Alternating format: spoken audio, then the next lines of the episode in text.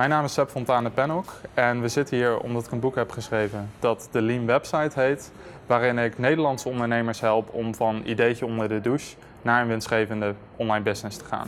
Wat was voor jou de drijfveer om dit boek te schrijven? De drijfveer om dit boek te schrijven was omdat ik zag dat er heel erg veel fouten gemaakt worden die eigenlijk heel eenvoudig voorkomen kunnen worden. En dan heb ik het voornamelijk over fouten als dat mensen een bedrijf beginnen, uh, soms met startkapitaal, soms zonder. Um, en niet van tevoren gevalideerd hebben of er wel vraag is naar datgene wat zij te bieden hebben. En of het probleem dat zij van plan zijn om op te gaan lossen, of dat wel groot genoeg is, of dat het überhaupt wel bestaat.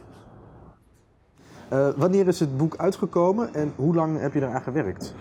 Het boek is afgelopen september 2016 is het uitgekomen. En ik heb er denk ik anderhalf jaar aan gewerkt.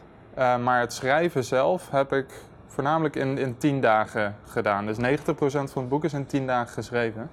Uh, en de rest is allemaal onderzoek geweest. Ik ben in het onderzoek voornamelijk bezig geweest met het vormen van een, een outline, dus een structuur voor het boek die logisch is en die de lezer ook echt aan de hand neemt uh, naar uh, de transformatie die moet, moet plaatsvinden in, uh, in denkwijze. Dus daar ben, ik, daar ben ik anderhalf jaar mee bezig geweest om al het onderzoek te verzamelen, alle, alle case studies om de inhoud van het boek op te baseren. En wat is voor jou de essentie van schrijven?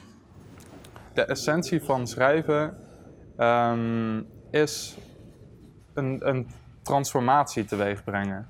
Dus een lezer die begint uh, op een bepaalde manier aan het boek.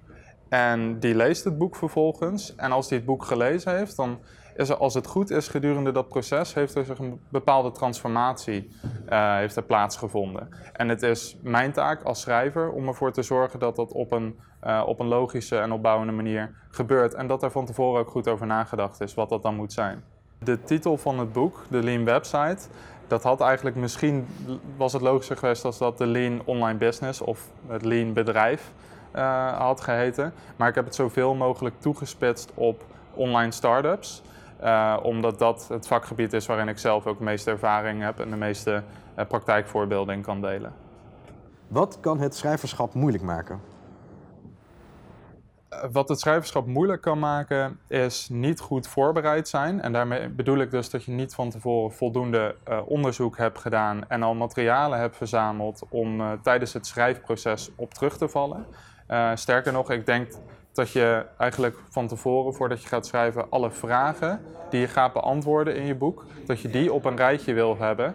En dan is het eigenlijk gewoon een kwestie van, net zoals jij en ik nu, uh, vragen beantwoorden. Uh, door, te, door te schrijven dan weliswaar. Kan ook door te spreken en dat je dat iemand anders uit laat schrijven. Maar als je dat van tevoren niet duidelijk hebt, van welke vragen ga ik beantwoorden, dat maakt het schrijven moeilijk. Een eigen boek schrijven, hoe heb je dat proces beleefd? Um, het, het, schrijven zelf was, was heel snel, zoals ik al aangaf.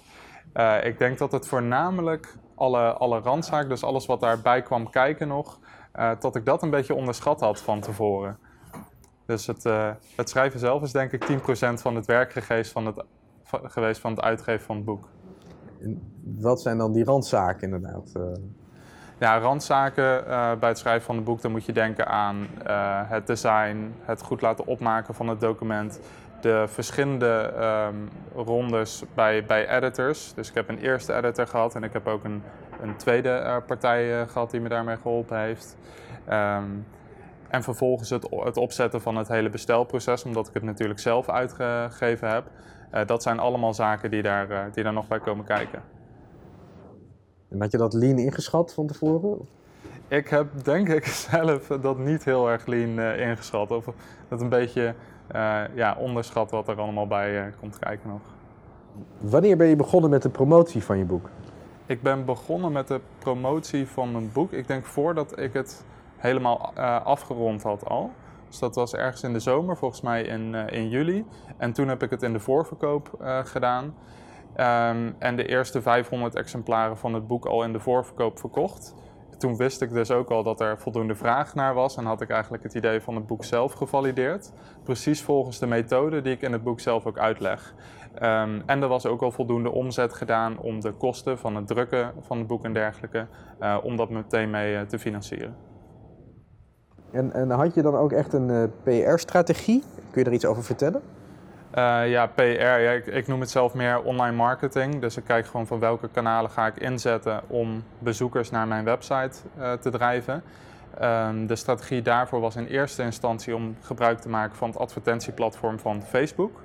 Dus om, uh, omdat dat mij in staat stelt om heel nauwkeurig bepaalde type mensen te, te, targeten met mijn advertenties. en dat heb ik ook gedaan. Ik denk dat het merendeel van de voorverkopen allemaal of uit mijn netwerk is gekomen of uit die Facebook-advertenties. En daarna, dus toen het boek uitgekomen was, was mijn strategie om op zoveel mogelijk podcasts in de Nederlandse markt te komen. Uh, en om daar nou ja, een hoop uh, kennis over te dragen en natuurlijk ook op die manier mijn boek te verkopen. Welke promotiemiddelen heb je ingezet en wat zijn je ervaringen daarmee? Ja, de promotiemiddelen die ik heb ingezet voor de campagne van het promoten van het boek zijn dus Facebook advertising. Uh, dat is het meest effectief geweest. Um, daarbuiten heb ik mijn eigen netwerk ingezet en er ook voor gezorgd dat mijn boek beschikbaar is op kanalen zoals bol.com, waar, natuurlijk, waar je natuurlijk ook het organische bereik van bol.com uh, zelf kan bereiken. En uh, daarbuiten heb ik, ben ik ook nog te gast geweest op veel verschillende podcastshows. Uh, het voordeel daarvan is natuurlijk dat je ook publiek bereikt dat, dat warm is voor jouw boodschap. Uh, maar dat kost, niet, uh, dat kost helemaal geen geld. De podcastwereld die begint eigenlijk pas net in Nederland. Je hebt nou een eerste handjevol online ondernemers die hun eigen podcast draaiende hebben. Ik denk dat ze dat ook pas sinds een jaar of anderhalf doen. Uh, dat is ja, eindelijk toch overgevlogen vanuit de Verenigde Staten naar Nederland. En dat is nu een beetje uh, opkomend. Dus je hebt nog niet hele grote podcasts met, met heel erg veel bereik. Uh, maar ik denk dat dat over twee jaar er echt anders uit zal, zal zien.